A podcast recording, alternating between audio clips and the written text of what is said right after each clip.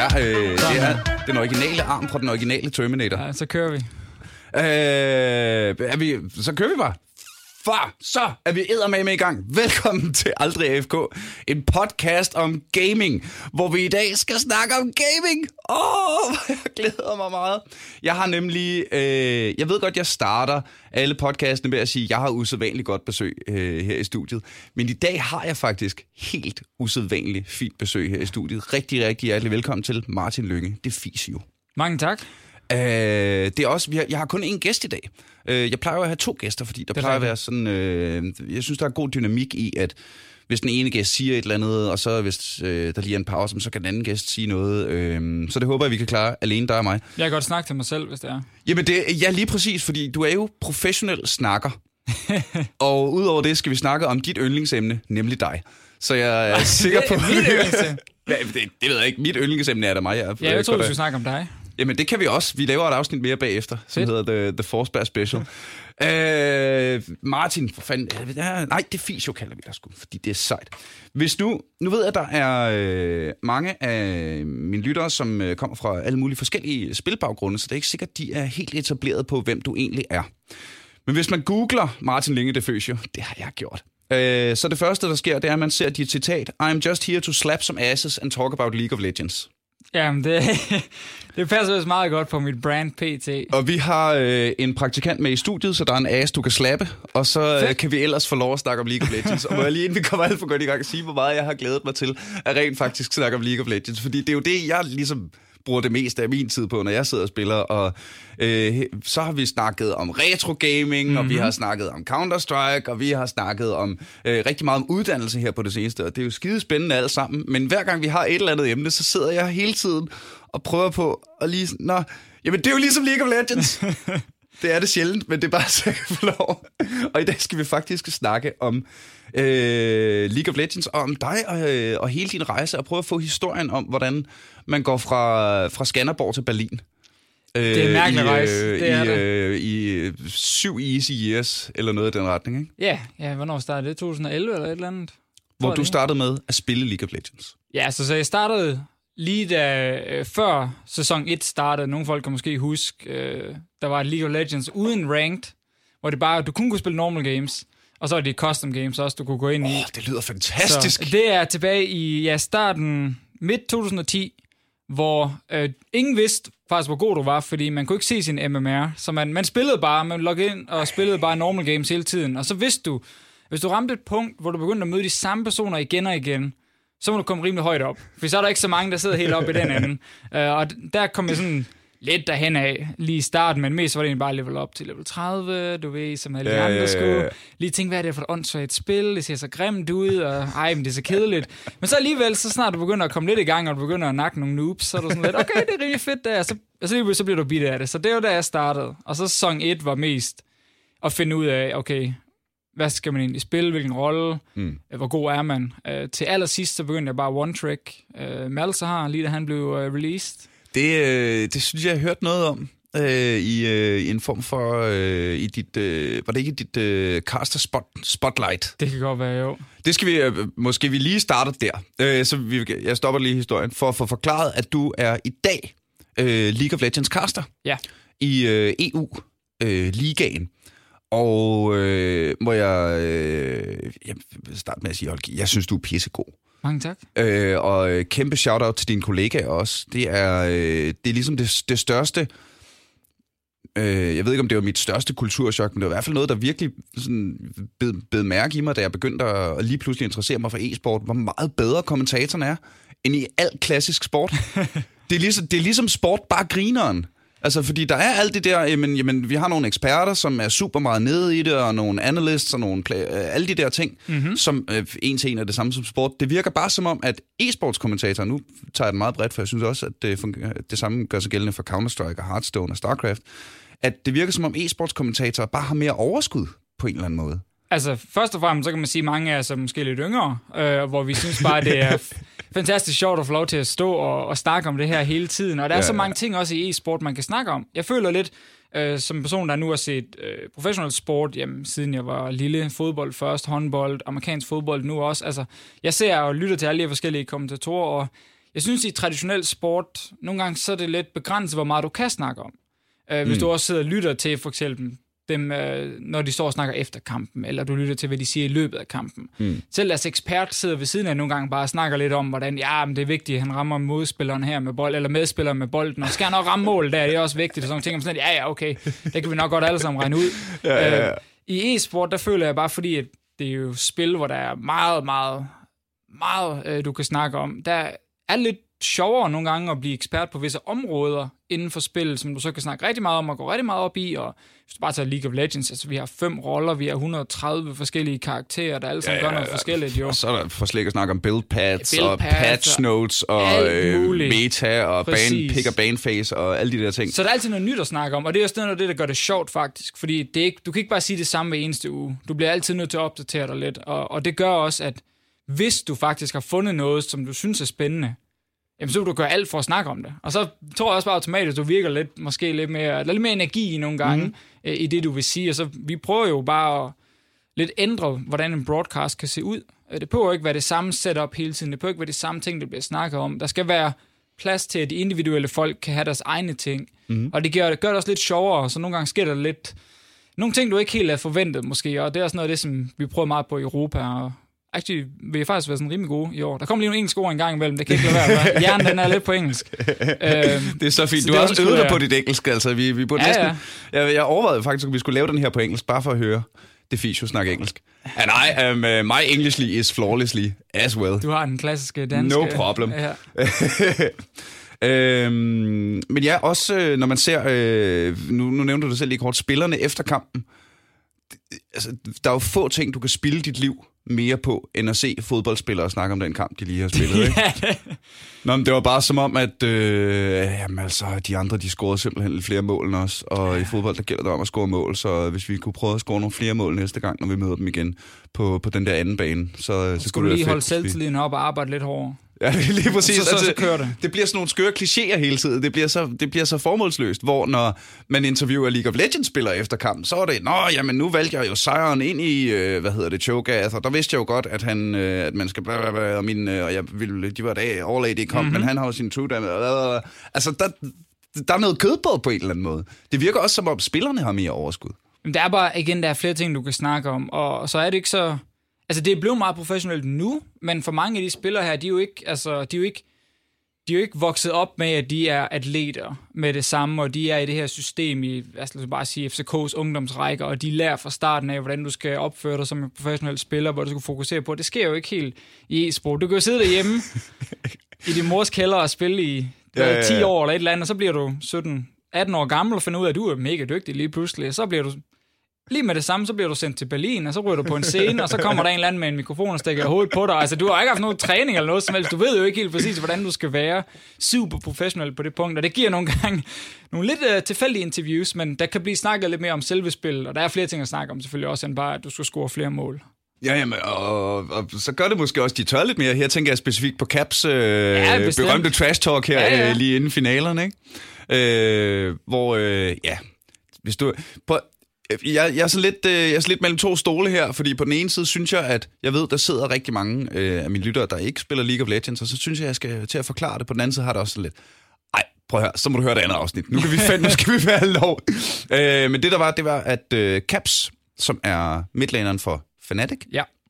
øh, fik vist, øh, ja, hvad var det, han sagde? All, Uh, Perks, som er hans uh, midlaneren på G2. R- rivalen, ja. Rivalen. De skulle møde hinanden i finalen. Og de skulle møde hinanden i finalen, og uh, han fik sagt noget i retning af, I'm gonna slap him so hard, he's gonna think he's in an international tournament. Præcis, og kontekst på den, det er, at når Perks uh, førhen Udover en enkelt interna- international turnering, øh, MSI sidste gang var han klarede det godt, men før det er det gået rigtig skidt for ham og hans hold. Det vidste jeg ikke engang. Så det, så, det der altid skete, det der var lidt joken, det var, at når, når G2, altså det hold Perks, han var på, de, de kunne vinde Europa, og så tog de afsted, og så skulle de repræsentere Europa i 2016 til to forskellige internationale turneringer, og gjorde det simpelthen Jamen helvede, det var forfærdeligt at kigge ja, ja. på. Det var så pinligt.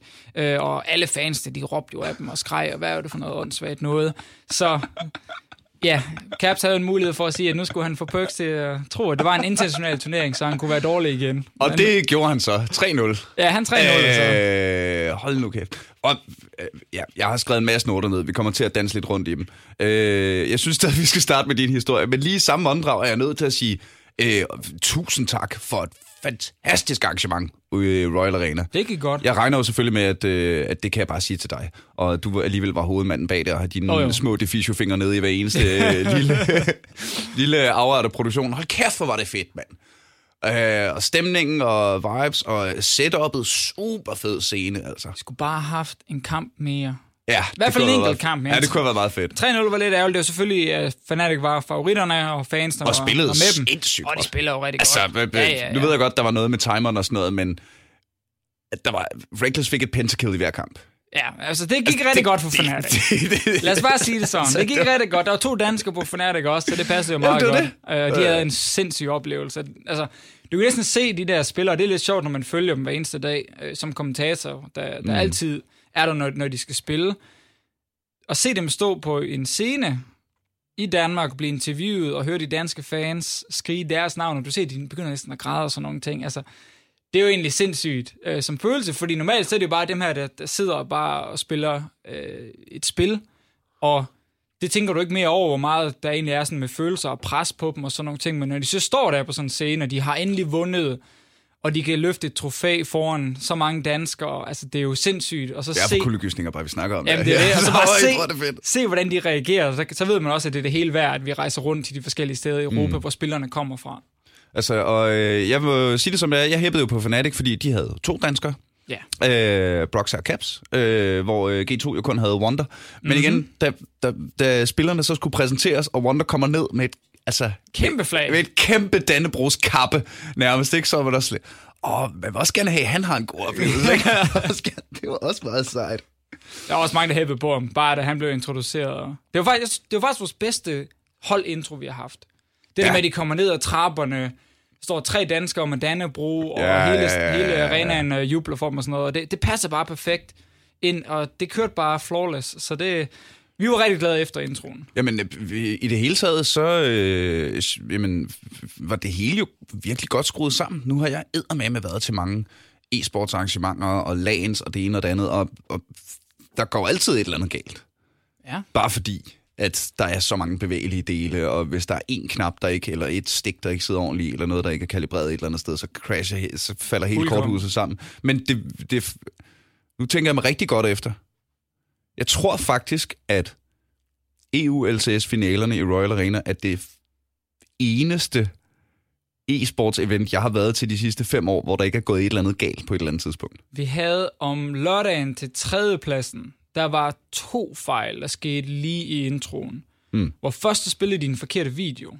De spillede en video for dagen efter. Ah. Øh, men efter 5 sekunder eller et eller andet, så kottede de lige ned og smed den anden på, og jeg ved ikke, hvor mange, øh, der faktisk lagde mærke til det. Og så også, lige da vi kom til øh, vores analyst skal diskutere og introducere det hele, så kom de til at spille øh, to sekunder af Silver Scrapes, der lige kørte bagved Silver, Scripts. Silver Scrapes. Så den sang, der altid bliver spillet, hvis vi kommer i kamp 5. Nå, Øh, det, det, det vidste jeg ikke. Det skal jeg lige tjekke op på. Det, skriver Det gør den, så det er, Scrapes. det er sådan en LCS-ting. Kamp kommer i kamp kampen. 5, så bliver den spillet lige inden kampen. Øh, var sådan tre minutter. Det blev den sådan den mest kendte ja. Ja. League of Legends LCS-sang.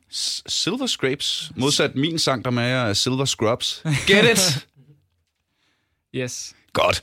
Der var folk i rummet, der grinede, vil jeg bare lige sige. Bare roligt. det er også, jeg var vant til, øh, til at have mit publikum så det der med, når man laver jokes i podcasten. Hvorfor er der ikke nogen, der klapper?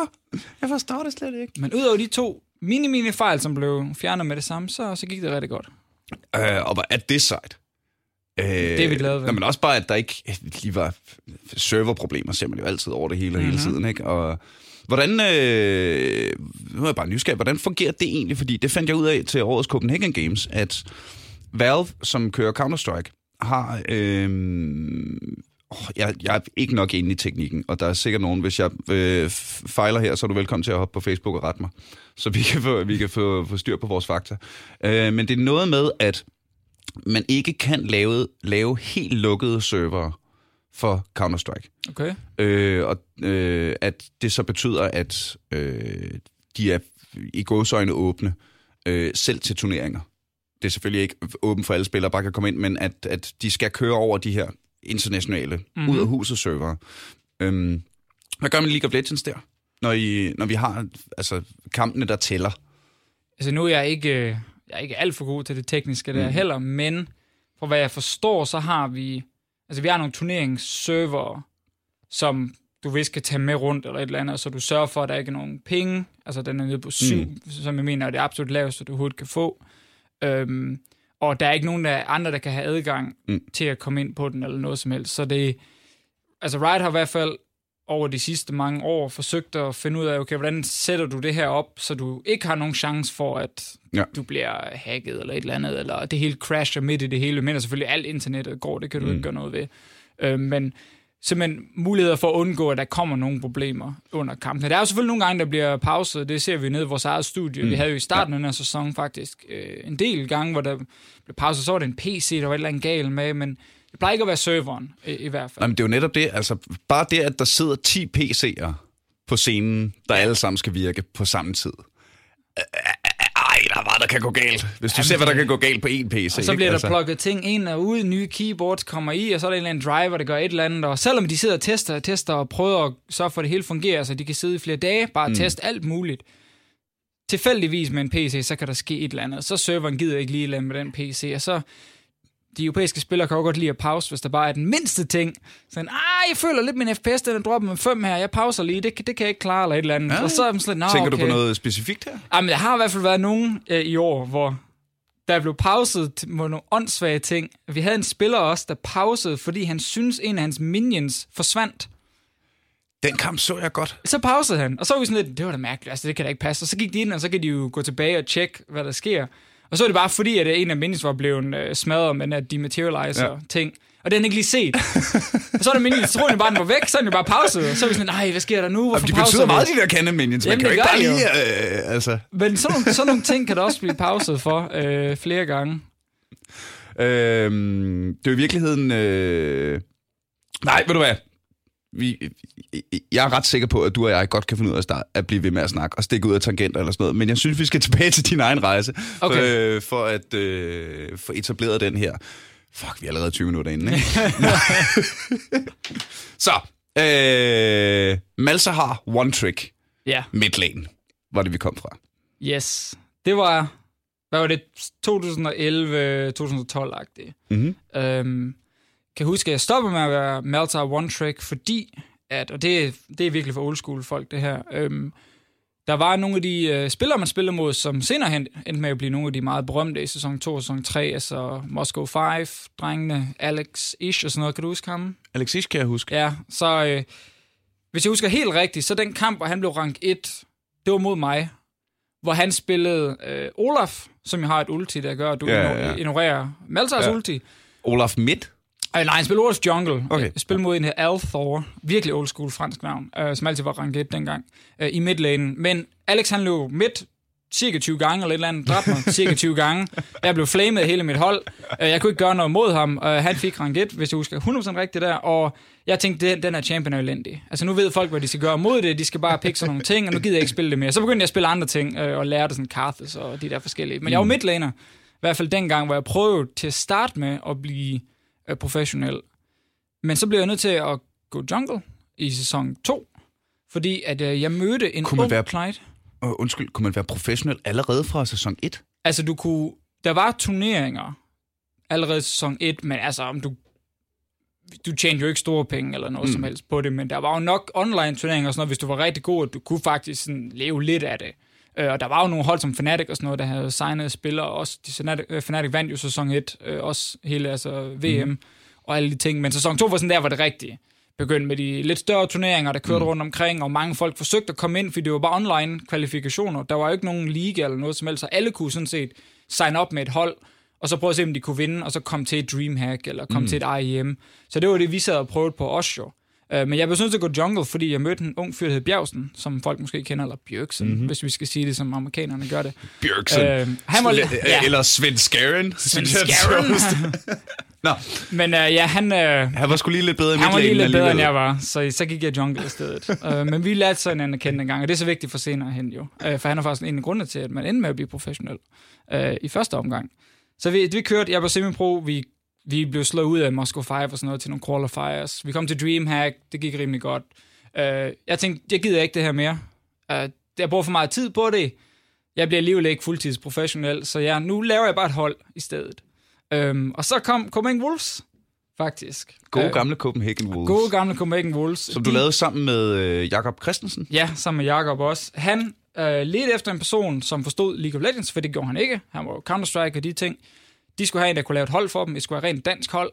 Og der var kun én spiller, der var fastlagt, og det var faktisk Svenskaren, eller Svenskaren, mm. øh, til at starte med. Han var blevet lovet en PC, han kunne streame for, og han havde et år til at bevise over for hans forældre, at han kunne leve af det her. For han var rigtig god og rigtig høj, øh, høj niveau på det tidspunkt, men han havde ikke rigtig tjent så mange penge på det. Mm. Så han var en ene spiller, vi havde til at starte med, og så fik jeg at vide, byg et hold omkring det. Her er, hvad du kan tilbyde dem. Kom i gang. Vi skal være gode. Øh, og så var jeg sådan lidt, okay, fint. Så fandt vi det Test og Guard Pro og alle de der forskellige nogen. Ikke Bjergsen til at starte med. Øhm, så fandt vi fem danskere, og vi lavede hold. Vi spillede nogle turneringer, det gik okay, men der var ikke sådan helt... Altså, det var ikke helt godt nok til at blive fuldtidsprofessionel nu. Øh, indtil vi så øh, endelig fandt Bjergsen tilbage i omkring slutningen af 2012, hvor jeg overbeviste ham om, at nu skulle han altså spille på det her hold. Han var alt for god til ikke at gøre det. Han skulle droppe de der åndssvage hold, han var på. Og nu skulle han med til Dreamhack og de her turneringer. Og mm. efter lidt frem og tilbage, så fik jeg ham øh, overtalt. Og det gjorde så, at vi blev nummer tre til DreamHack, som gjorde, at vi fik en invitation til at spille i den allerførste LCS-kvalifikationsting i Polen. Ja. Yeah. Og den endte vi jo så med at vinde, så vi kom ind i LCS. Øh, mærkeligt nok, hvor jeg blev nødt til at så gå ind og spille igen. Stop som manager, fordi at, jamen, altså, nu bliver det en lang Spillende, historie. spillende træner, ikke? Jamen, Ja, vi har ja. masser af tid. Kør. Så øhm, vi havde fem danskere, så det hele var selvfølgelig på dansk. Det, der så skete, det var, at Bjergsen, han var ikke gammel nok til at måtte spille. Nå ja, det er rigtigt. Den Ja. har jeg hørt. Så han måtte ikke spille den første turnering der, altså kvalifikationen. Og det fik vi først at vide sådan to uger før, eller et eller andet. De, først gik de med, at det var i orden, men så var det ikke i orden. Og så blev vi nødt til at finde en erstatning, og vi kunne ikke finde en dansk midlaner. Så vi endte med at finde svensker. Og altså, det var lidt svært at snakke svensk og dansk for nogle mm. unge fyre, der måske ikke har snakket så meget svensk, eller hørt så meget svensk i deres liv. Så vi måtte gøre det på engelsk. Og der havde vi så nogle problemer med kommunikationen. Det fungerede ikke ordentligt. Øh, men nogle af de spillere, vi havde, var ikke så gode, når det galt om at gøre det på engelsk, og holdet spillede ikke særlig godt, og der var nogle, ret mange problemer med de forskellige spillere, og nogle af dem kunne ikke rigtig enes med hinanden. Så lige, ja, nærmest halvanden uge før turneringen, det blev vi nødt til at lave en, øh, en ændring, hvor jeg så... Vi forsøgte at finde en ny support. Vi kunne ikke finde en i tide. Ny support. Jo en ny support på det tidspunkt her. Vi vil til at finde. For vi har fundet en midlaner. Han var svensker. Mm-hmm. Vi havde en toplaner, en jungler en AD carry. Vi skulle finde en ny support.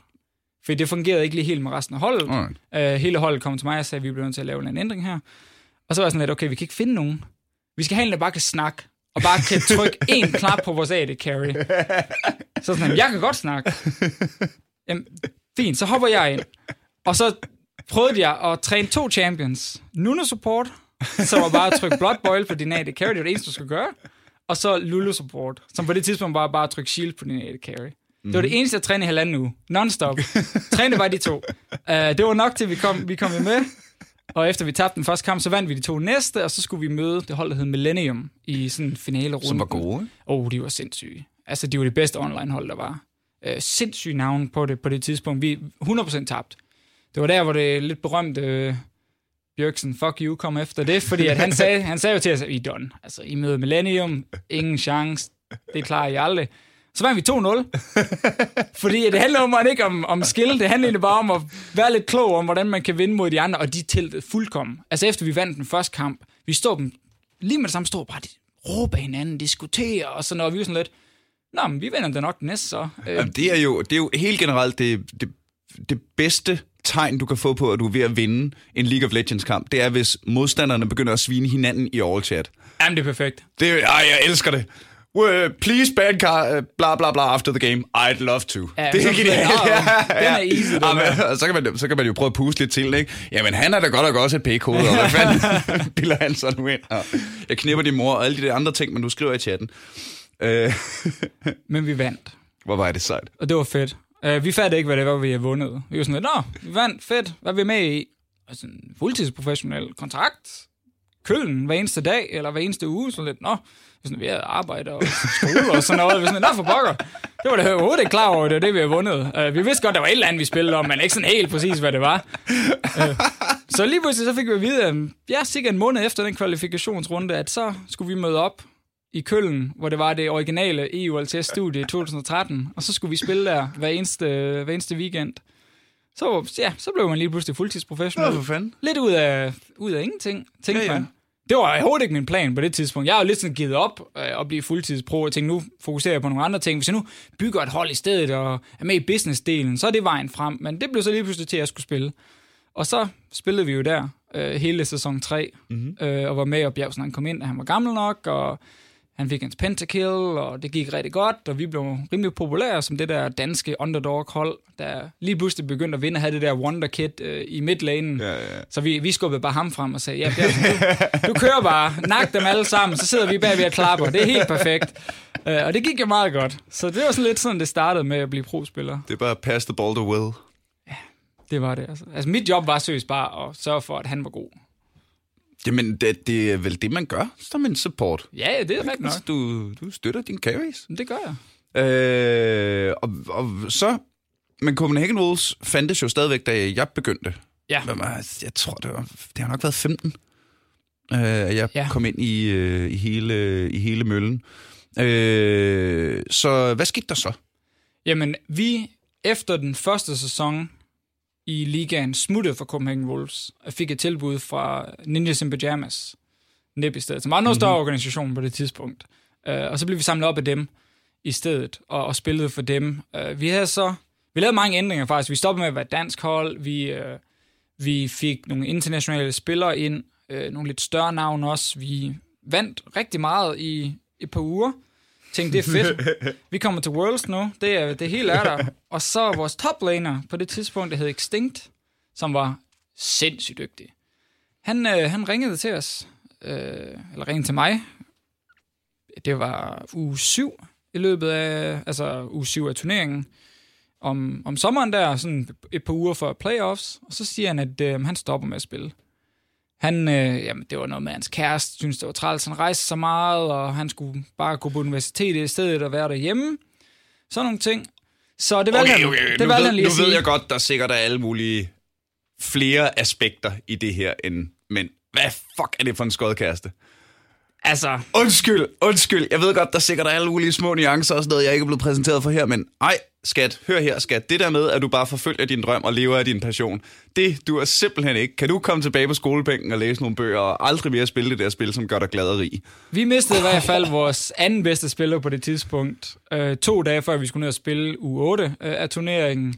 Og vi måtte finde sådan en, vi fandt øh, en, der hed Maimer fra Solo Q, som var sådan one-trick Rengar, top laner. Og, jeg hader og sådan nogle ting. Øh, så det, han var virkelig høj rated, men det var, han kunne kun spille de her meget specifikke champions, som overhovedet ikke virkede i den professionelle scene. Men vi blev nødt til at bare skynde os at tage en, for vi havde kun en dag eller to til at få det ordnet, og så, så var det svært, fordi det hele skulle ændres, han skulle lære alt muligt nyt, og vi mistede sådan en vigtig person, og det var lige tæt mm. ved playoffs, så vi endte med at blive slået ud i kvartfinalen, ja. øh, desværre.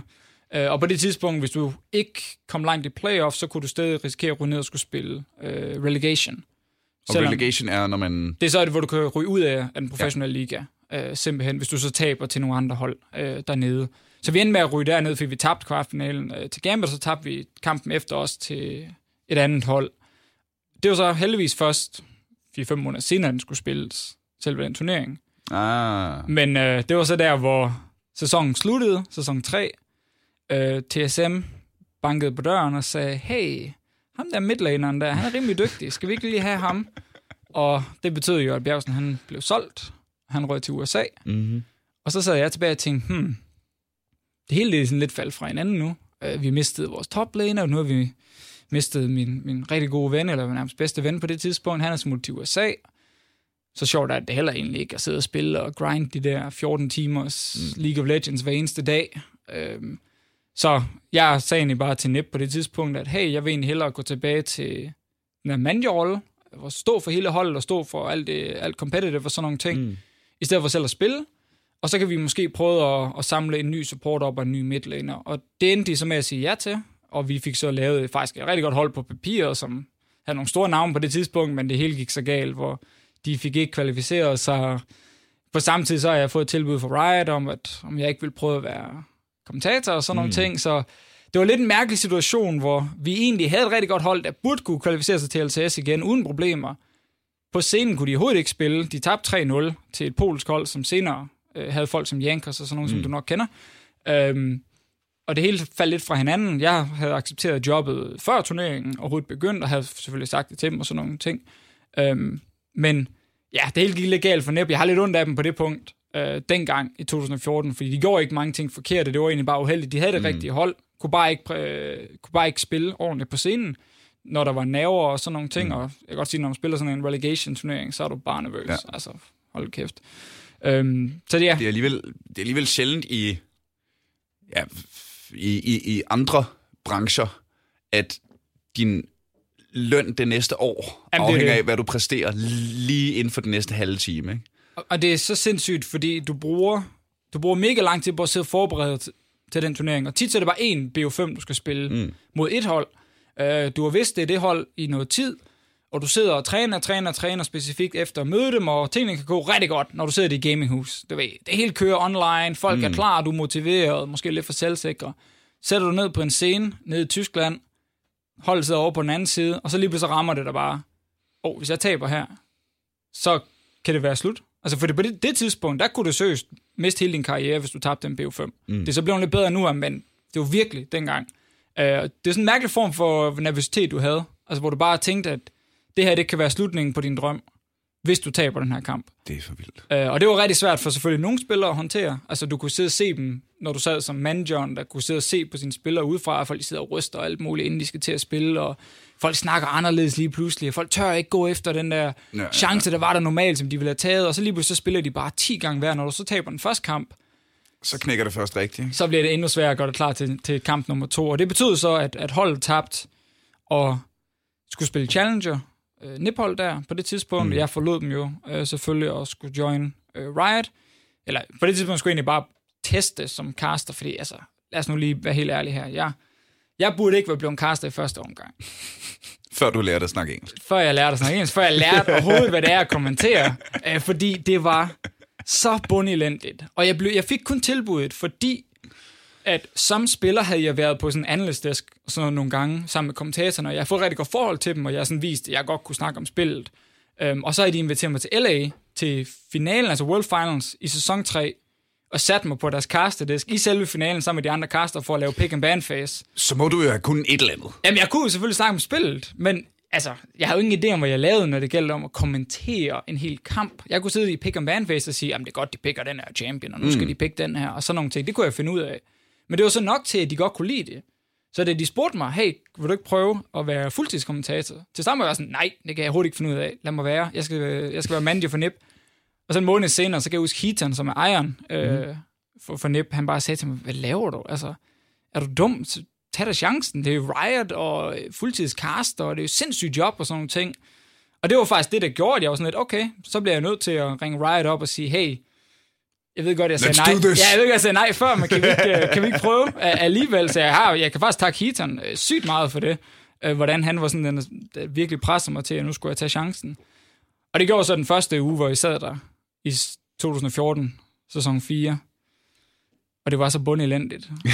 Alle havde mig. Jeg blev svinet til til højre og venstre. Altså på Reddit var der jo 10 posts eller et eller andet om, hvor dum jeg var at høre på, og hvordan jeg ikke skulle være der, og det var, altså, jeg kan godt love dig, gå på Twitter på det tidspunkt, og så tjekke de notifikationer, det var bare... Jamen, det er jo, det er jo, det er jo hele sådan øh, den grimme Elling-historie-agtigt, ikke? Altså... Hvis man så klipper til i dag, hvor du, vi skal have resten af historien og alle tingene imellem. Jeg skal nok prøve at gøre lidt sige, hurtigere. Nej, lad være med det, vi har masser af tid. Og nu, nu har jeg slåsset i to måneder for at få dig i studiet, så skal du... Behøver du ikke skynde dig, når du endelig er kommet ind. Ingen stress.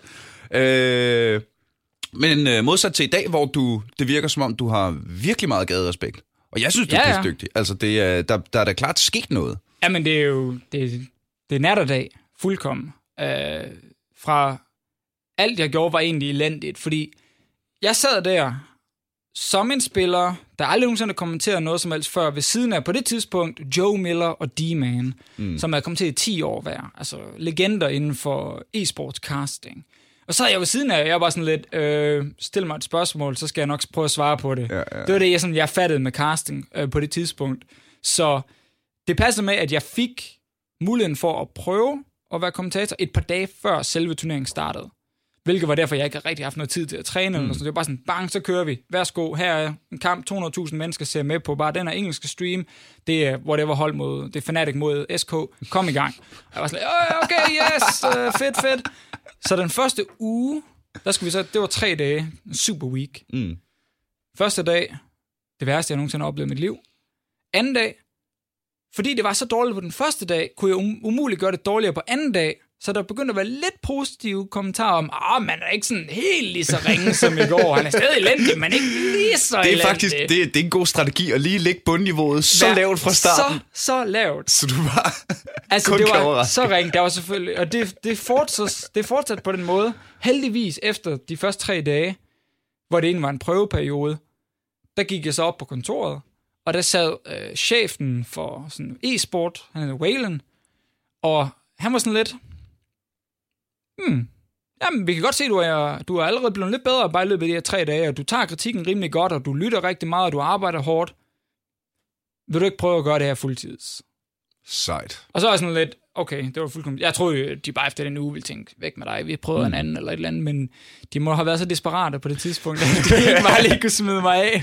Har vi ikke en, der faktisk kan snakke engelsk? ja, det var det. Så jeg fik en fuldtidskontrakt, og blev faktisk Rioter, og så fuldtidsansat af Riot, og så begyndte hele det nye liv, egentlig, mm. hvor hver eneste dag i 2014 var engelsk træning, accent, der skulle fikses, så det var både en engelsk lærer, som skulle lære en, en ordene og sådan mm. nogle ting, så der var nogle andre ting, du kunne sige, end bare de samme 10 ord, øh, sådan ordentligt, når det galt om at være på et professionelt niveau, så jeg kunne selvfølgelig snakke normalt engelsk, altså sådan mm. mange danskere kan gøre, men det var ikke godt nok til at være en professionel kommentator. Mm. Og så ved siden af det, så var der så faktisk det, der hjalp mig allermest, hvilket var, at du får en, jamen hvad hedder det, på dansk hedder det vel en sproglærer, eller Ja. hvad? ja, vocal therapist hedder det, i hvert fald på engelsk. Øh, vokalterapeut. Ja, det kan godt være, det hedder Nej, det vokal, så er det, når man siger vokal på dansk, så er det noget med sig. En taletræner. Taletræner. Det Du får en det. taletræner. Ja, som kommer ind, og det første, jeg har, altså, jeg har tre forskellige, men hende, jeg starter med i, i Køln, hun kommer ind, og så sidder de og kigger på din mund og din tunge, når du sidder og snakker engelsk. Og de er sådan lidt, hmm, okay, ja, mm, jeg kan godt se her er problemet. Og som dansker, når du snakker dansk, så bruger du næsten ikke din tunge. Den ligger bare sådan rimelig fladt ja. I munden, for det meste. Det er ikke så tit, du flyver den rundt og skal lave alle mulige bevægelser med den. Og når du snakker engelsk, så skal du bruge tungen til alt. Den skal have alle mulige forskellige positioner for at sige forskellige ting. Vildt. Hvis du skal sige TH, altså the, Ja. så skal din tunge lige en lille smule ud af munden, lige sådan hen ved tænderne, og skal lige give lidt tryk på den, når du siger the-lyden. Altså siger du bare dø, som ja, danskere ja, ja, gør. Uh, derfor du hører mange danskere sige uh, dø et eller andet, når de skal prøve at sige the. Ja, ja, ja. Og så får du at vide, at du skal, du skal træne din tunge. Det lyder lidt frækt, men det ja. er det ikke på den her øh, måde, fordi der ender du med bare at skulle sidde og gå tusind forskellige øvelser igennem, hvor du skal bare bruge din tunge ud af munden, sådan mega meget til at starte med, så det er bare sådan, øh, alt muligt, altså bare for at din hjerne fatter, hov, den skal altså lige i gang. Og det skal du så med alle mulige forskellige måder for at sige for, ud, forskellige udtalelser. Så er den, skal den op i munden, så skal den ned i munden, ja, og så ja. skal du mere eller mindre stoppe med at bruge din hals så meget, når du udtaler ting, som vi danskere gør, og derfor vi mumler så meget. Øhm, og det skulle jeg så lære øh, over ja, to år, nærmest hvor jeg havde to-tre gange om ugen, mm. øh, hvor man sad med sådan en øh, vocal coach. Og til at starte med gik det okay med sådan at lære sådan semi-hurtigt, og det betød så også, sådan, i slutningen af 2014 var det blevet noget bedre. Det var ikke så forfærdeligt at lytte til, og meningerne var begyndt at vende lidt for folk også, om at okay, det var egentlig sådan, nu, nu kunne folk sådan lidt bedre lide det. Og 2015, der flyttede vi så til Berlin med Riot og LCS, og jeg fik en vocal coach der, som var sindssygt fantastisk. Øh, Simone hed hun, og hun, hun er tysker, som så har boet i England, og hun arbejder rigtig meget med sådan filmstjerner og sådan nogle ting. Mm. Øh, blandt andet arbejder mange af de danske filmstjerner, der er kommet ned til Tyskland for at så skulle Og har lave... snakket defisio engelsk. Ja, men så har de selvfølgelig gjort det, eller så skulle de enten, gøre, enten skulle de lære det med engelsk eller med tysk, og, og, og jeg fik så at vide, at jeg kunne se på en CV, om hun arbejder med nogle af dem, og jeg var sådan, nå, det var da rimelig cool. Uh, vi fik så en regning, hvor det, ja, stod et rimelig højt nummer, fordi hun var rimelig dyr, og jeg var sådan lidt, right, please. Hun er så virkelig god. Og heldigvis, så var de sådan lidt, okay, ved du hvad, vi kan godt se, det er det hele værd nu. Du mangler lige det sidste, så vi endte med at bruge hende, og jeg, jeg gik ved hende i noget, i noget tid, og fik sådan lært det aller sidste. Og det betyder egentlig nu, når jeg snakker engelsk, at det er ret svært at høre præcis, hvor jeg kommer fra. Fordi ja. meget af accent er nu forsvundet. Øh, og jeg kan selv, når det går rigtig hurtigt, og du skal råbe og skrige i en arena foran 10.000 mennesker, sådan at kunne udtale ordene mm. ordentligt. Men det bliver vel også uh, second nature på en eller anden måde, ikke? At når man... Du tænker på engelsk lige pludselig, ja, og du vil hellere læse på engelsk end på dansk lige pludselig også. Så, jamen, jeg har stået i danske interviews, og nærmest ikke kunne snakke ordentligt dansk. Ja, ja, ja. Øh, ja. Øh, jeg grinede lidt, da jeg så din, øh, din berømte pølsevideo øh, som optakten til, øh, til, hvad hedder det, øh, til Royal Arena og finalerne her. At jeg tænkte sådan lidt, Altså, der er næsten lidt Lars Ulrik over det, ikke? Der er næsten lidt, åh, oh, det er længe siden, du har været hjemme og hørt, hvordan det rigtigt er. Ved du, det værste ved det? Så det værste, de bedte mig om at oversætte den her tekst på engelsk. Og der var så ordet plyndrøget. Ja. Men det hedder så rated på, på mm. engelsk. Og jeg kiggede på rated, og tænkte mig hvad fanden er det på dansk? Det kan jeg da overhovedet ikke finde ud af. Så jeg oversatte alt undtagen det. Så i teksten, så siger jeg, kysterne rated. Midt ind ja, i det, det hele. Rigtigt. og, og, så snart jeg var done med det, og, og den kom ud, og så skrev folk sådan, hvorfor, hvorfor siger han rated? Så snart du var done med det? Så snart jeg var færdig med det. uh, så var sådan, hvorfor siger han ikke plønrød? Så sagde, Nå, ja, det er det plønrød, det her. Ej, ej, det var også ærgerligt. Man har travlt ind på Riot. Det er ikke altid, der er tid til en Google Translate. Og jeg er den eneste dansker, så der er ikke, der er ikke andre, jeg lige kunne spørge om det. Der er, heller, der er heller ikke nogen, altså selvfølgelig bortset fra internettet, øh, men så er der jo heller ikke nogen, øh, der, øh, der ville finde ud af det. Det er jo det. Nu er jeg først afslået det her. Men alle danskerne har nok fattet, jeg sagde, jeg tror, jeg, jeg tror at danskerne har opdaget Ved at håbe, men det har virkelig, ej, jeg har haft i løbet af tiden, jeg har haft nogle af de her elendige interviews. Jeg har fortalt den her historie en gang før, men jeg skulle lave noget med TV2 Zulu i 2015 eller 16, mm. sådan til Worlds. De ja. ringede mig op, jeg sad på en hotelværelse, så skulle jeg snakke om, øh, hvad der skete i, i løbet af turneringen. Og det skulle jeg selvfølgelig gøre på dansk. Men det var, mens jeg boede i Tyskland, og vi var afsted til Worlds, for alt var på mm. engelsk, mm. og jeg snakkede jo næsten... Altså, jeg snakkede kun dansk med min kæreste, men hun var der jo ikke, fordi jeg var afsted til turneringen, så det var bare engelsk, engelsk, engelsk, alting. Mm. Og så, så ringede de mig op der, og jeg sidder bare og snakker det værste dansk nogensinde, udtaler ordene forkert og siger engelsk ord hele tiden og, og stopper, fordi jeg skal tænke, Åh, hvad er det nu lige, det hedder på dansk, det der? Og det var så ringe, at mine forældre, de optog det, har gemt det og skraldgriner, når de ser det. Og vi viste det til vores gæster og sådan nogle ting, for at vise, hvor ringe det er, og jeg var sådan lidt, okay, det var skidt. Så jeg, jeg, nu får jeg træne med dansk årene. Jeg bor hjemme i Danmark også nu, og, og nu er det bedre, selvom det stadig kan være lidt svært en gang imellem. Bor du hjemme i Danmark nu? Ja, jeg gør. Fedt. For nu, for nu i hvert fald. For nu. Øh, velkommen hjem. Tak. Øh, så det var... Øh, så det var vel rejsen? Er der, er der flere destinationer? Jamen, det gør jeg lynhurtigt. Så 2015, 16, 17, det var... Jamen, det har bare været pissefedt. 2014 var elendigt. Alle havde den. 2015, 16, 17, det gik rigtig godt. Øh, folk synes, det, det vi laver nu er mega fedt. Jeg, øh, fik, jeg er en af dem. Jeg synes, det, jamen, det er dejligt. fedt. Øh, fik sat et rigtig godt samarbejde op med en af mine kollegaer, der hedder Quickshot, altså Trevor, og vi sådan blev de to caster, der repræsenterede Europa på nogle måder, øh, fordi vi kastede rigtig mange kampe sammen, og mm. vi kastede alle finalerne også, og sådan nogle ting.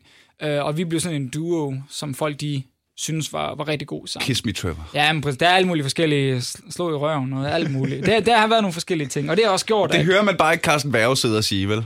I ikke, en ikke altid i hvert altså. fald. Altså. Han kunne godt være en af dem, der kunne sige det. Okay. Han kunne måske godt. Men, øh, men ja, det er så blevet til, at, at nu, øh, jamen, nu går det rigtig godt.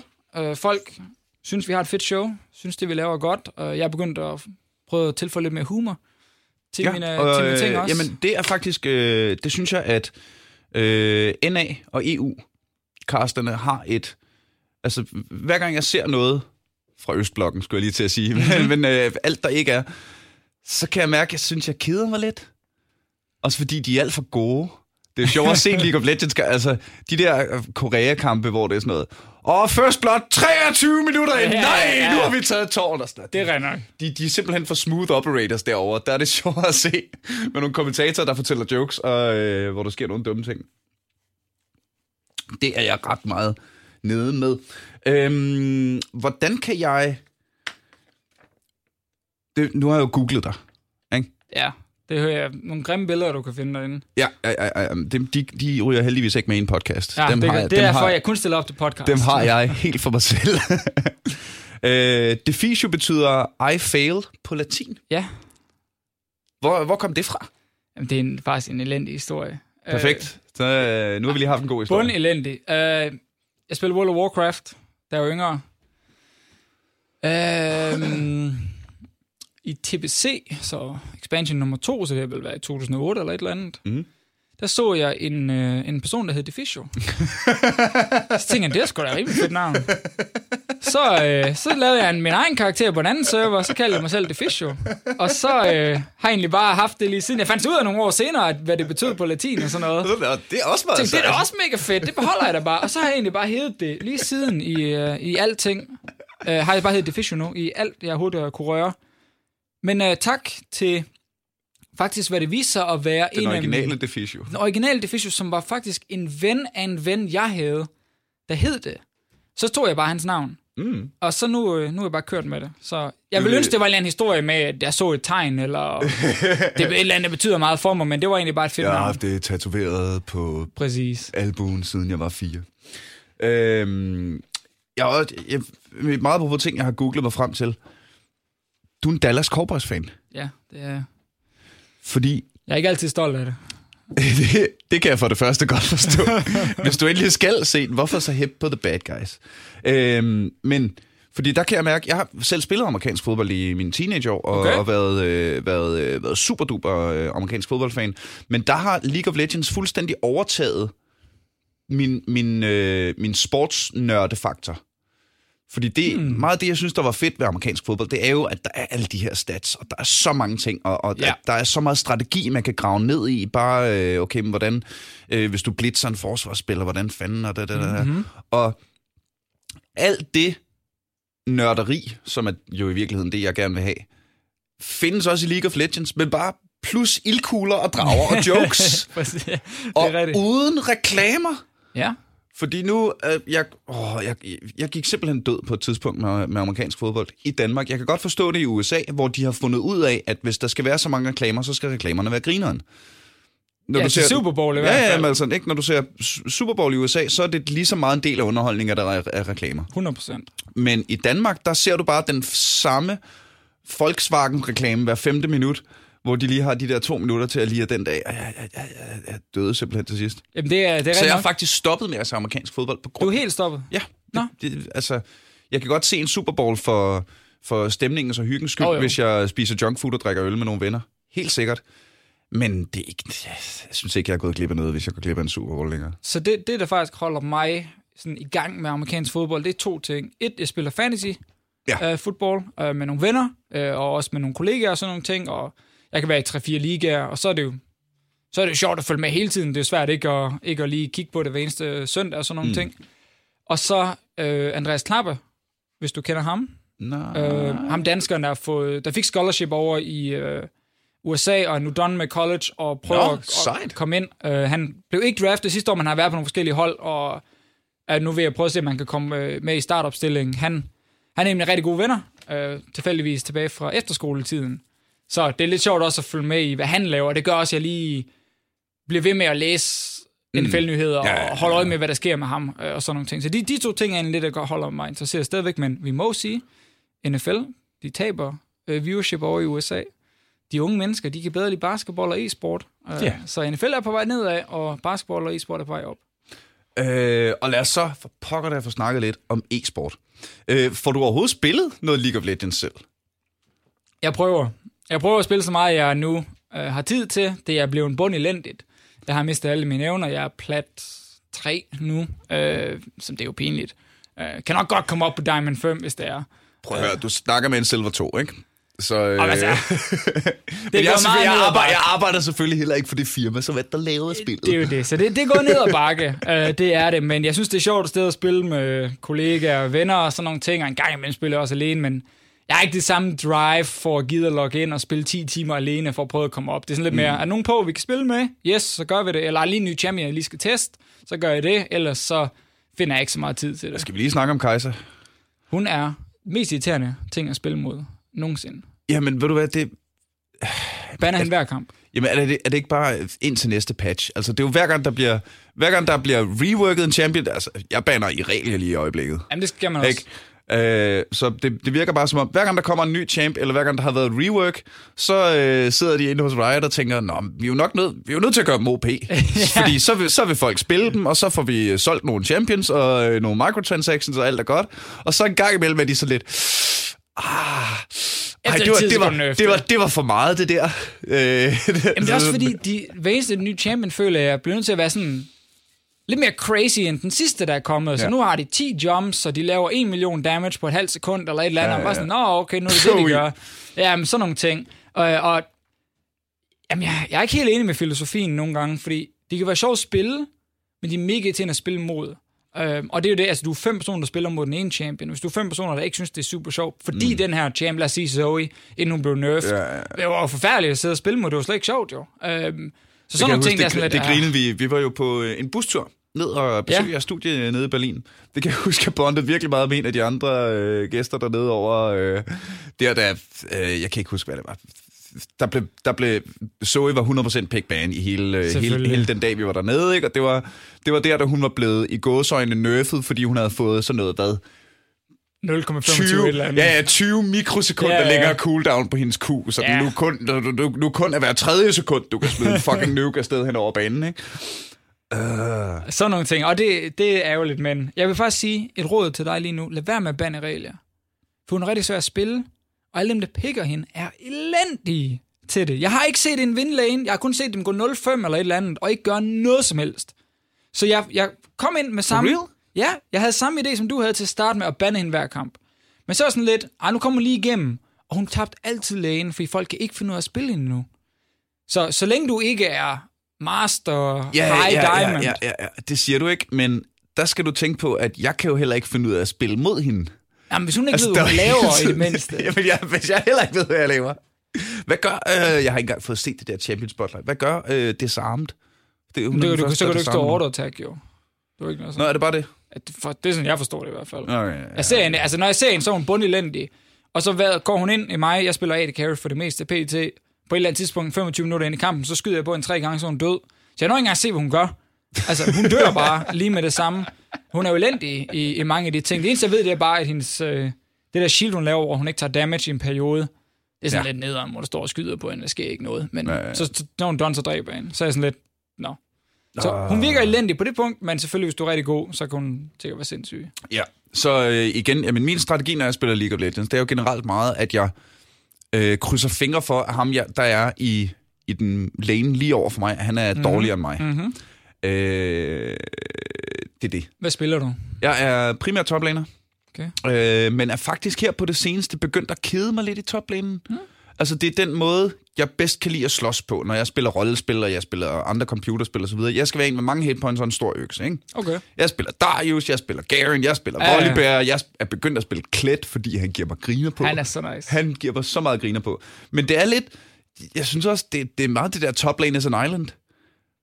Kæft, jeg synes, jeg har mange spil, hvor øh, der er 30 kills på begge sider af banen, og jeg er 0-0 og 0 i lane, fordi jeg spiller en eller anden tank, der står og slår på en eller anden tank. Hvorfor spiller du også tank?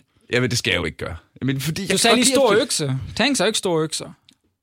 Sejren har en ret stor økse. Okay, sejren er cool nok. Der burde du også kunne vinde lane. Ja, men det kan jeg. Det er, igen, medmindre han er dårlig. Så jeg vil men sige, det er, det faktisk din skyld. ja, selvfølgelig er det min skyld. men det er jo lidt, øh, hvad hedder det, i i... Øh, jeg kan godt forstå, at på elite-niveau, når, øhm, når, når skill cap-forskellen er så lav mellem spillerne, ikke? At, at alle er så tæt på at være på samme niveau, ja. at der betyder pick og ban, og hvilke champs du vælger, helt sindssygt meget. Mm-hmm. Men når man ligger og råder ned, rundt nede i ja. øh, sølv, guld og bronze, der handler det bare om, om, om ham, du er i lane imod, er bedre end dig.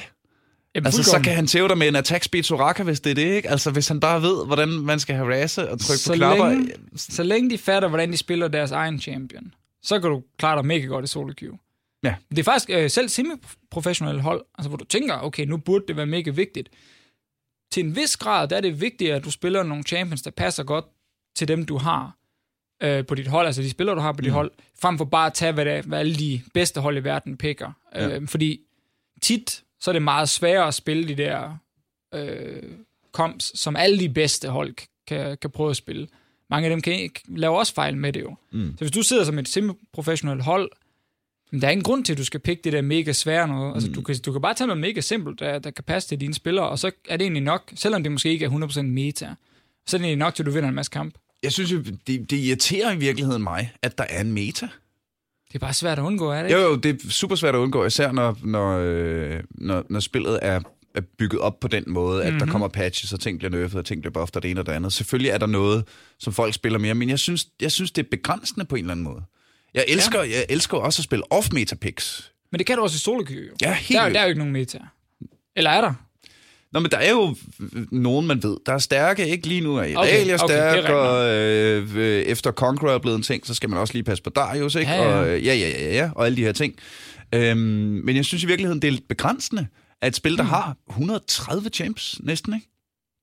Hvad er vi oppe på nu? 104, Ja. 25? Ja, 100, lad os sige 129. Lad os sige 129. Øh, og så synes jeg bare, at det er synd, man ikke ser så mange af dem. Det, det, er egentlig, det er egentlig spøjs. Altså, det er jo rigtigt nok, at der er nogle champs, der ikke bliver spillet særlig meget. Og det kan enten være, fordi de er elendige, eller de er ikke sjove, eller mm. whatever. Men jeg har altid følt, i solo queue, altså lad os sige, øh, Darius er den bedste champion. Mm. Hvis han er virkelig broken, så banner du ham selvfølgelig. Og når han så er væk, så burde det være rimelig åben. Så hvis du bare er mega god til at spille klat, så burde du kunne tage ham i nærmest alle situationer. Og bare mm. fordi du er så god til at spille ham, og fordi ham, du spiller mod, nok ikke fatter helt lige så meget om, hvad klat gør, og måske Ja, ja, ikke er lige så god til at spille hans champion, så burde du kunne klare dig rimelig godt, hvis du altså bare er god til din egen champs. Ja. Øh, det er altid sådan, jeg har kigget på, men der, altså, du har selvfølgelig ret, der er nogle champs, der er bedre end andre. Forhåbentlig med de fem bands, så kan du komme af med nogle af dem, men mm. det er bare svært det der med meta, fordi når det er et spil, der er baseret på numre, og på at visse ting counter andre ting, jamen så er det jo bare svært ikke at have en eller anden situation, hvor visse champs bare er bedre Ja, ja, ja, end andre, hvis du kigger bare rent øh, nummermæssigt. Ja, ja. Men der skal det også siges, at jeg spiller meget bevidst League of Legends primært for at hygge mig. Ja. Øh, jeg ved godt, at jeg kunne tage skridt aktivt for at blive dygtigere. For eksempel ved at skære min champion pool ned, Mhm. mm-hmm. øh, og skære min rollepool ned. Øh, men jeg har sådan, jeg har sådan en samurai-filosofi. Du ved, ligesom samuraierne, de skulle kunne slås med sværd, de skulle kunne Ah, slås uden okay. sværd, de Yes, skulle yes. kunne kalligrafere, de skulle kunne skrive digte, de skulle kunne træne, altså, det skulle være den Jeg tror, perfekte du sidde kriger i Japan i en eller anden hytte og meditere eller sådan noget. og meditere med min computer øh, ind i Summoner Swift. Øh, men jeg har jo lidt ideen om, at jeg, jeg skal kunne det hele.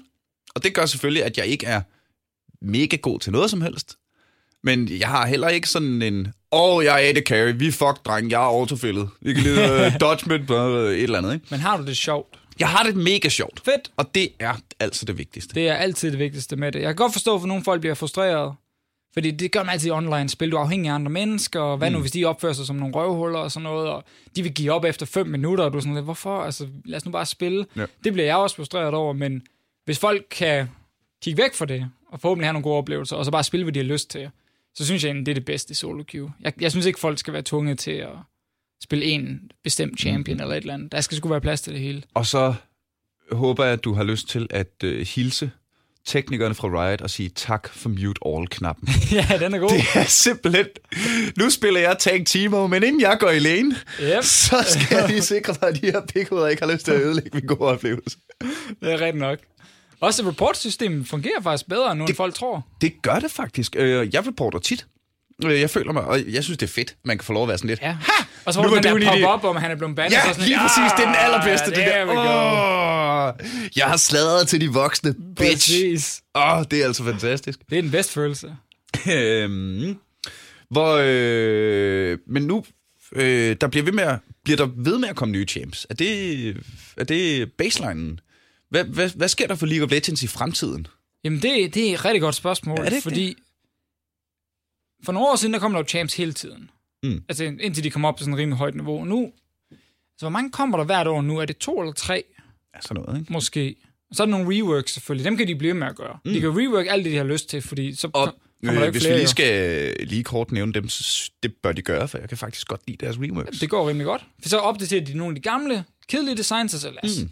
Nogle af de gamle Cyan design var jo i bund elendigt. Altså, du havde et stun, hvor du bare klikkede på en person, og et shield, du skulle klikke for, at det eksploderede, og det var Cyan. Ja. Altså, han havde ikke andet. Han var jo så kedelig at spille, Ja, ja, ja. så det, de lavede ham til nu, er jo mega fedt. Fantastisk. Altså, så, så der er mange af de der ting, hvor jeg tror, de putter mere fokus på at rework champs, der ikke bliver brugt, fordi mm. de enten er dårlige, eller de er ja. kedelige, whatever det er. Og så bliver der kun released to-tre champions per år. Så kan du, det kan du køre med i noget tid, jo. Mm. Altså, det tager jo rimelig lang tid, inden vi er oppe på 150 lige pludselig. Og det er måske der, hvor du så skal begynde at blive lidt bange for, nu er der for mange. Du kan ikke have 200 champions lige pludselig. Mm. Det er jo for meget. Så jeg tænker bare ved, at de har gjort det lidt langsomt med nye champs. Så kan de også gøre mere ud af dem. Og så reworker de bare de gamle Ja, ja, ja, ja. champs. Eller buffer, nerf, og whatever det nu er. Og så, jeg ved ikke, om der kommer et tidspunkt, hvor de siger, nu skal vi ikke lave flere nye. Eller vi laver en om året, eller sådan noget. Mm. Det kunne godt være, at de ender med i den situation. Bare for at undgå, at det bliver alt for mange. Øh, nu er jeg ikke sikker på, at du er den rigtige person at spørge om det her, men du er ham, jeg har. Øh, jeg synes lige, vi bør nævne det nu, hvor vi endelig øh, laver endnu et afsnit om League of Legends. Der er jo... Øh, og jeg er ikke nok inde i det, men det virker som om på YouTube, at der er meget snak om, uh, hvad fanden skal jeg lige for League of Legends, og var det Night Blue 3, der holdt mm-hmm. op, øh, på grund af, at Fortnite lige pludselig var blevet kæmpestort, og ja, money in the bank, ikke? Altså, øhm, men og, og så ser man, hvad det han hedder, Ross Boomsocks. The day League of Legends comedy died, øh, ligger han et eller andet clickbait i lort op, ikke? Og jeg er sådan Right. lidt, jamen, jamen, jeg spiller stadig League of Legends, og jeg synes stadig, det er sjovt, og jeg ser da stadig øh, Magikarp og øh, øh, alle de andre, hvad, hvad det er, følger alle de der League of Legends YouTubere, de lægger stadig ting op. Det er stadig grineren. Ja, altså, når du har et spil, der er det største, og som folk har spillet i flere år, på et eller andet tidspunkt, så bliver nogen jo bare træt af det. Mm. Så synes det ikke, de, de samme videoer er sjove, som måske var sjove før. Det kan også godt være, at folk ikke er så originale mere, det ved jeg ikke. Jeg følger ikke så mange af de der personlige, øh, mm. sådan fun League of Legends channels og sådan nogle ting.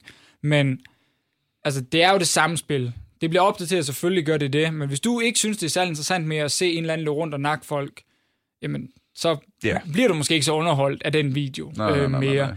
Det er sjovt dog, fordi også der er alle de diskussioner om, hvor folk snakker om, åh, er League ved at dø, og sådan nogle ting, og sådan lidt, hver eneste gang jeg ser folk sidde og diskutere det, så kaster de bare rundt med, hvad de kalder fakta, nu laver jeg lige Ja, ja, ja, ja, ja. air quotes der, øh, hvor de lige pludselig siger, ja, altså, det er jo klart, at spillet taber spillere hver måned. Og så man lidt, har du noget bevis? Øh. Har du set det noget? Er det et eller andet?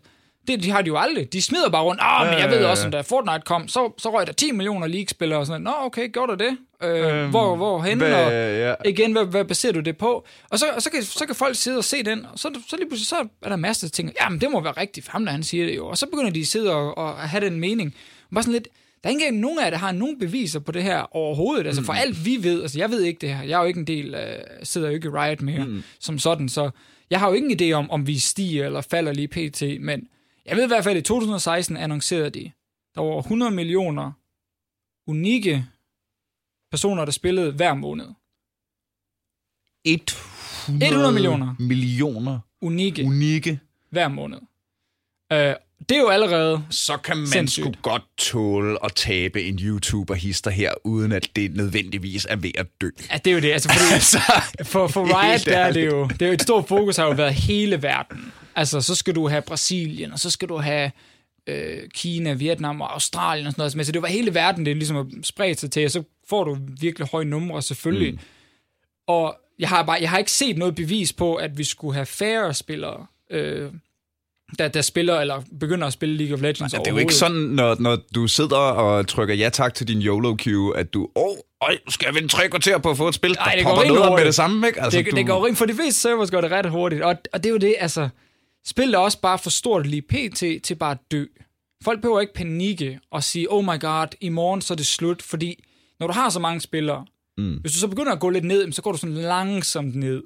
Og så er der nogle folk, der kommer tilbage senere hen, men altså, Ja, vi, kommer nye spillere til. jeg kommer nye spil. Vi kommer til at køre ekstremt mange år med, at League of Legends er et kæmpe spil, og der er en stor e-sport scene og sådan noget. Og det kan godt være, at vi rammer et punkt. Øh, Det gør vi jo nok på et eller andet tidspunkt, hvor det begynder at falde, og det falder, og det falder, mm. og det falder hver eneste år, ligesom World of Warcraft skete med, og mm. Riot skal gøre noget specielt for, at der kommer mange folk tilbage. Men hvis de ikke gør det, så bliver det bare ved med at falde. Men det kommer til at tage så lang tid, og det kommer til at være så åbenlyst, at folk ikke behøver at sidde, som de gør Ja, nu, ja, ja. og bare opdigte et eller andet. Men det er jo øh, gen- generelt ting med internet. Ja, det er jo klart, det er jo at, klart. At, at, der er bygget af ekokammer og fake news overalt, og øh, man skal bare have en holdning. Og, og som cast, jeg kan godt fortælle dig, så mange Det gange Kan jeg godt forestille kan jeg sidde og læse et eller andet, hvor der er en eller anden person, der siger, um, jeg synes også, at uh, EULCS-studiet er mega grimt. Og så er man sådan lidt, nå, det var da ærgerligt, han synes det. Og så skriver du til personen, hey, hvad så, øhm, hvornår du sidst set det? Og så siger personen, jamen det er to år siden. Jeg sådan, nå, okay, for det er jo ikke sådan, vi har opdateret det flere gange siden. Der sker jo ikke så meget udvikling i det der e-sport. Men du skulle lige i 2018 skrive om, hvor grimt studie er, fordi du så det i 2016. Og du har ikke engang lige prøvet at opdatere dig på, ser det anderledes ud eller et eller andet. Nej, men du skulle lige give din mening. Ja, ja, ja. Og så sådan nogle ting øh, sker bare så hvad, tit. Hvad, hvad gør man, når man er øh, pro-caster, og dermed... Altså, jeg tænker, du, du er vel bevidst om, at du øhm, har kastet dig for internettets løver på en eller anden måde. Det ikke? At, at du, du har... Øh, ved at have et job, hvor du er så øh, øh, offentligt profileret, som du er, jamen så stiller du også røven direkte i klaskehøjde for hele internettet, ikke? Fuldkommen. Øhm, har du taget aktivt stilling, eller er det noget, I snakker om ind i Riot? Øh, er det... Øhm... Det er selvfølgelig noget, man snakker om, øh, især med alle casterne og sådan ting. Og Riot har også altid været sådan, hey, vi tilbyder øh, hjælp, hvis folk har brug for det. Altså hvis det er alt med, at du bliver svinet til mm. i to år, og du har brug for psykologhjælp og sådan ting, så, så hjælper de med sådan noget. Men øh, det, som, som man egentlig ender med som, som kommentator, det er, at du, du bliver så vant til det. At, og, og du indser, at ligegyldigt hvad der sker med visse ting, så kan du ikke gøre alle glade. Mm. Og det behøver ikke være nødvendigvis om dig og hvad du gør, det kan være om hele din broadcast, det kan være om noget specifikt med din region, din liga, et eller andet. Øh, og det vigtige er bare ikke at læse for meget ind i det negative og blive for påvirket af det, fordi igen, der vil altid være et eller andet. Øh, men i stedet, det som jeg i hvert fald lærte, det var, at hvis du bliver ved med at grave igennem en masse lort, så på et eller andet tidspunkt, så skal der nok være noget, du kan bruge. En lille gylden Mm. nugget, der ligger nede i bunden af det, hvor en gylden nugget Hvad er det på det- bunden af en bunker B. en bag, en, hvad er det, man siger, altså, altså golden nugget in a pile of shit, eller Ja, ja, ja. ja. men du skal bare hele vejen ned igennem. Øhm, og så længe du ikke bliver så påvirket af alt det der udenom, så kan du faktisk tage negative kommentarer og bruge til noget positivt. Fordi det er jo nogen, der har valgt at tage tiden til at gå ind og skrive et eller andet. Og hvis det er for eksempel et eller andet om dig, hvor de skriver, og jeg hader virkelig øhm, den måde, han snakker om de her ting på, så kan du kigge på det, du kan blive sur over det, og kritisere det, eller du kan sige, okay, der er måske noget her, jeg skal prøve at tænke over. Og hvis jeg ser flere folk, der kommenterer det, så skal jeg måske prøve at ændre en lille smule, sådan at jeg undgår Så- at gøre det her. Det jeg hørte dig sige, at det er, det er at finde den gyldne mellemvej, hvor du trækker det positive ud af den negativitet, der kommer. Ikke? Præcis. At sige, okay, jamen, det, at de her mennesker kaster så meget negativ karma efter mig, det kan jeg ikke bruge til noget. Det er spild af energi. Ja, Øh, men hvis der er et lille græn af sandhed i noget af det, som øh, internettets douchebags kaster i min regning, jamen så kan jeg da bruge det. Øh, men det, det virker generelt som sådan, du er som person. Øh, med at... jeg kan ikke gå rundt og græde over, hvad folk skriver på internettet. Altså, Nej, men også helt generelt med, at øh, du, det, det virker som om, at alt det, du har snakket om, da du fortalte din historie, var, når man så måtte jeg jo sætte mig ind i det, og så måtte jeg jo blive bedre til det. Det er rigtigt. Jamen, jeg, jeg har... Øh, I guess, det er en god ting, men det kan også være en dårlig ting. Altså, jeg har... Min personlighed er, at jeg, jeg hader at være dårlig til noget. Jeg hader at gøre noget, jeg er dårlig til. Mm. Øhm, jeg, det er det værste i hele, hele verden for mig. Altså, jeg har aldrig blevet god til FPS-spil. Så hver eneste gang, jeg går ind i Counter-Strike, så spiller jeg i to minutter, så hader jeg det, fordi jeg er dårlig til det. Og så i stedet for, fordi at jeg ikke har brug for at blive god til Counter-Strike, det, det, det har jeg ikke behov for i mit liv, mm. så sætter jeg mig ikke ind i det og siger, okay, nu skal jeg bare mega træne. Så i stedet for at sige, jamen, så gider jeg ikke spille det. Og så Også- stopper jeg bare. Men også fordi lige Counter-Strike, ikke? Og men det kan være alle mulige FPS. Der er konkurrencen bare så stor Og, efterhånden. det, og jeg, jeg har ikke behov for at bruge timerne på det. Øh, og så derfor ved jeg, jeg kommer aldrig til at nyde at spille lige det spil, fordi at jeg vil bare gøre det som en casual, og jeg er så dårlig til FPS allerede, mm. at jeg vil absolut have det bare for mig selv. Jeg kan ikke grine af det. Mm. Så jeg stopper. Og det, det har jeg med mange ting, og det er det samme så, hvis jeg nu begynder på et eller andet, hvor jeg ved, okay, det her, det er stort for mig. Det her, det er noget, jeg vil bruge min tid på. Så fordi jeg hader at være dårlig, så laver jeg ikke andet end bare arbejde på at blive mm. bedre i en periode. Sådan rimelig, sikkert ikke øh, super, øh, hvad hedder det? Se, nu kommer ordene der. Hel- healthy, hvad hedder det på dansk? Sundt. Sundt, ja. Det er ikke sundt, Du kan sidde i 15 timer i streg og bare prøve at blive bedre til et eller andet mm. hver eneste dag, og det burde du ikke. Men det gør så, at man måske lidt hurtigere kan komme over det der, hvor du er dårlig, og så nyder jeg det. Ja, ja, ja. Snart jeg ikke er dårlig til det, så elsker jeg det. Men jeg hader at være dårlig til ting. Altså, nu så jeg en, øh, dum video på øh, Facebook i går med en... Øh, øh, går jeg ud fra koreansk knægt, kald mig racist, øh, der øh, løser tre Rubiks terninger, mens han jonglerer med dem. Okay, det er rimelig imponerende. Øh, han var 12 år gammel, jeg er 34. Ja. Der kommer bare et punkt, hvor jeg tænker, det, det der, det, det, det kommer jeg aldrig til at lære, og det er egentlig okay. Det er der heller ikke behov for. Det, Det gavner øh, ikke dit liv. jo, ah, det vil jeg nu ikke. Så vil jeg både kunne lære at jonglere og øh, partytrick og... Så er du Hey, clown måske. Ja, ja, ja. ja. Øh, Og det er selvfølgelig okay. Det. Hvis det nu var vigtigt på det punkt, så kunne du lære det. Men, mm. men øh, tilbage til det der med negative kommentarer. Altså, man må bare tage det positive eller i det. Og hvis der ikke er, no- hvis det er en eller anden, der skriver, at dit ansigt er grimt, jamen så, kan du, så må du bare gå videre. Ja. Den, den kan du nok ikke gå ind og sige, måske skal jeg få noget plastikkirurgi kirurgi, eller et eller andet for ham her. Lidt større næse. Ja, eller et eller andet. Det, det, den ignorerer du bare. Dem er der heldigvis ikke så mange af, så det er godt. Men der er tit folk, som enten der er noget, du kan bruge i det, eller så skal du bare svare dem. Og så bare lige spørge, kan du lige forklare det der? Og så stopper de. Og så siger de lige pludselig i stedet, ej, ej, altså, hov, hov. Jeg mener jo heller ikke noget negativt med Altså, det. jeg vil jo bare gerne være sur på internettet. Ja, altså jeg vil lige have lov til at sige, at det er faktisk fantastisk, det I gør. Jeg var bare lige lidt frustreret over den her lille bitte ting, der skete i starten af jeres show, hvor der, jeg tror, der var en eller anden, der sagde noget, jeg ikke kunne lide. Men Og resten af så var showet er jeg nødt til at fantastisk. skrive fire A4-siders øh. Twitter-opdateringer. Og så kan du vende det der ret hurtigt ved bare at spørge dem, hey, kan du ikke lige forklare det der? Og så er de sådan lidt, nå, jamen, det var faktisk ikke noget, det er, ja, ja. det, men jeg vidste jo ikke, du vil svare, så lidt for pokker, altså. Øh, jeg så et interview med dig, lige umiddelbart efter, øh, lige umiddelbart efter hvad hedder det, øh, øh, finalen her i, øh, i København. Vi skal også til at runde af, men jeg vil lige spørge dig om det her. Øh, hvor jeg Shit, hørte sagde dig, du sagde, øh, jeg følger jo med, når der er en dansker. Nå ja. Det var godt interview, så. Og Jeg sagde ikke noget dumt. Øh, nej, det var på virkelig dårligt dansk, men... Øh, Jamen, det har vi. Nu er lyttet til det snart en anden time. Øh, men fordi det, det er en ting, der helt generelt undrer mig lidt i e-sport, at du ser jo, at du kan huske dengang, vi var gode til curling. Mm, ja, Selvom alle folk er skidelig glade med curling, og oh, så var der nogle danskere, der gjorde det godt, og så skulle vi alle sammen til curling. Og Det er Karoline rigtigt. Wozniacki er skide berømt, fordi hun er en dansker, der spiller tennis, selvom vi alle sammen er skidelig glade med tennis. Og øh, nu øh, lige pludselig skal vi følge med i Formel 1, fordi der er Kevin Magnussen lige pludselig et navn. ser ikke? det med Og, kæresten hver weekend, Jamen, der kan du når se det er det. der. fordi der er en dansker med. Ja, selvfølgelig. Ja, lige præcis. Og det virker som om, at vi har det der, jeg følger med, når der er en dansker med. Det gen har vi i Danmark. Ja. Men det gælder ikke for e-sport. Det, jamen, det er sådan lidt... Det er lidt mærkeligt. Jeg vil sige, der er mange danske fans, føler jeg, der følger med. Måske ikke, øh, du mener mainstream, tænker jeg. Ja, ikke? Ja, at, ej, at, det er der ikke, at, øh, hvad hedder det? Men det er fordi, øh, måske ved de ikke, at der er danskere. Jamen, jeg, jeg, jeg tror, det er det. Fordi Fordi nu, det- det nu, ikke- nu blev at, over det da, hele, da Astralis øh, fik først vandt en stor pulje, og Aha. derefter fik lavet deres øh, dokumentar og sådan noget, jamen, så, lige, så virker det som om, så er folk måske begyndt at... Så måske vi bare skal... Vi skal have spredt ordet mere om de dygtige, dygtige danske League of Legends-spillere. Hvis vi skal alle dem der til sig med, ja, helt sikkert. Fordi nu, øh, nu har jeg tidligere lavet en episode af Aldrig FK, der hed Danmark er en Counter-Strike-nation. Men det gik jo op for mig, da jeg var inde i Royal Arena, at se, at Danmark er også en League of Legends-nation. Hvad var det for nogle stats? Danmark er det land i verden, der har... Når du så vores video. Ja, ja, ja. Det var den bedste video at lave nogensinde. Var det ikke det? Vi er, vi er det øh, europæiske Kan- land, der har produceret flest pro-spillere til den europæiske liga.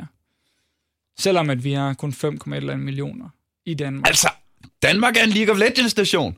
Og vi skal have mere League of Legends til Danmark. Det er, det. det er bare fordi, at LCS, det er jo bare hele Europa, det er i Berlin, og der er ikke det der danske hold mere. Vi havde Splice lige en periode, der kom ind, men så røg der en dansker af, og sådan nogle ting. Det har bare været svært, tror jeg, at få sat hele Norden, og især Danmark, op til at virkelig investere sig i, i League of Legends. Hvis du ikke allerede spiller det i første omgang, mm. der føler jeg, at Counter-Strike gjort det lidt bedre. Lidt, bedre, lidt lettere at forstå også. Du kan smide det på Ja. tv, forklare det rimelig hurtigt. Skyd ham der, yes, cool. Ja, ja. Så, så kører det. Den er, den er sværere. Den er meget svær. som, øh, altså, det er jo også en grund til, at jeg synes, at League of Legends er e-sportens svar på amerikansk fodbold. For, åh, Ja. ja. da, da jeg skulle ind i det selv, det var, jeg blev hyret til Copenhagen Games til at kommentere en, øh, de kampene der i 15, har det nok været. jeg brugte jo dage på at sidde og se. YouTube-tutorials, og hvad, hvad fuck er det, der foregår her? Altså 100% vi har basketball, altså NBA, det er Counter-Strike. Mm. Altid action. Ja. Rimelig hurtigt at forstå, hvad der er, der skal ske. Bolden i nettet, yes, cool, ja. ja, vi kører. Og amerikansk fodbold er 100% MOBAs, altså League of Ja. Legends, hvor du kan selv sidde og se det nu, og opdage et eller andet nyt, hvor du sådan, åh ja, den er formation, eller ah, det var da ikke, jeg har set det i 10 år, men jeg kunne da ikke lige huske, øh, at det var sådan, det var. Så Ja, jeg ved godt, vi skal til at lukke. Vi har snakket... Vi har simpelthen snakket så længe. Men jeg har simpelthen også bare været så glad for at have dig i studiet. Nu har vi snakket en time og kvarter, og du skal videre i teksten og alt det der. Jeg skal nok til at lukke ned nu. Tusind, tusind, tusind tak, fordi du kom. mange tak, fordi jeg må Martin være med. det Fisio Lynge, det har simpelthen været en kæmpe, kæmpe stor fornøjelse. Øh, nu er det noget med, at du er gået freelance, Ja. og øh, skal til at øh, selvfølgelig blive ved med at kommentere og kaste, men øh, måske også kigge på nogle andre projekter. Hvis man sidder derude og gerne vil følge med i, hvad du går og laver, er det så Twitter, der er nemmest? Øh, der er Facebook, Deficio LOL, eller LOL Deficio, en af de to. Google it. Øh, så er der Twitter, Deficio LOL. Så er der Instagram, det er den nye. Den Oh. forsøger jeg at bygge op nu. Uh, jeg indså, at jeg måske skulle starte for to år siden, men jeg er sådan lidt, hvad skal jeg tage billeder af? Altså, ja. jeg, jeg, har ikke, jeg gider ikke tage billeder af mig selv, så er det jo så er det kedeligt. Men nu har jeg fundet ud af, at man bare kan poste alle mulige åndssvage ting. Og så synes folk, det er cool. Så Instagram også, Deficio LOL, tror jeg. Der er alle tre steder, kan du følge mig. Hvis man har lyst til at følge med. Og så kan man jo følge dig på The Broadcast, Selvfølgelig. the uh, EU LCS's. Præcis. som vi glæder os rigtig, rigtig meget til at følge med i i fremtiden.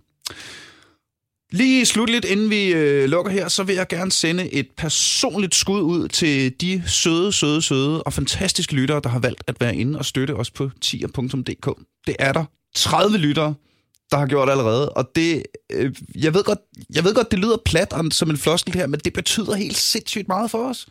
Fordi vi ligger rigtig, rigtig mange timer i at lave det her, og få, få legnet de fedeste gæster op, og få stillet dem de rigtige spørgsmål, og få det øh, printet og produceret, og øh, få lavet god lyd og det hele. Og det er så fedt at ligge så mange timer og mærke, at der er nogen, der faktisk påskynder det arbejde, man har lavet. Så tusind, tusind tak skal I have. Øh, håber andre har lyst til at hoppe med på vognen, og hvis ikke, så håber jeg om ikke andet, at du er klar på at lytte til os igen i næste uge, når vi en gang til er aldrig AFK.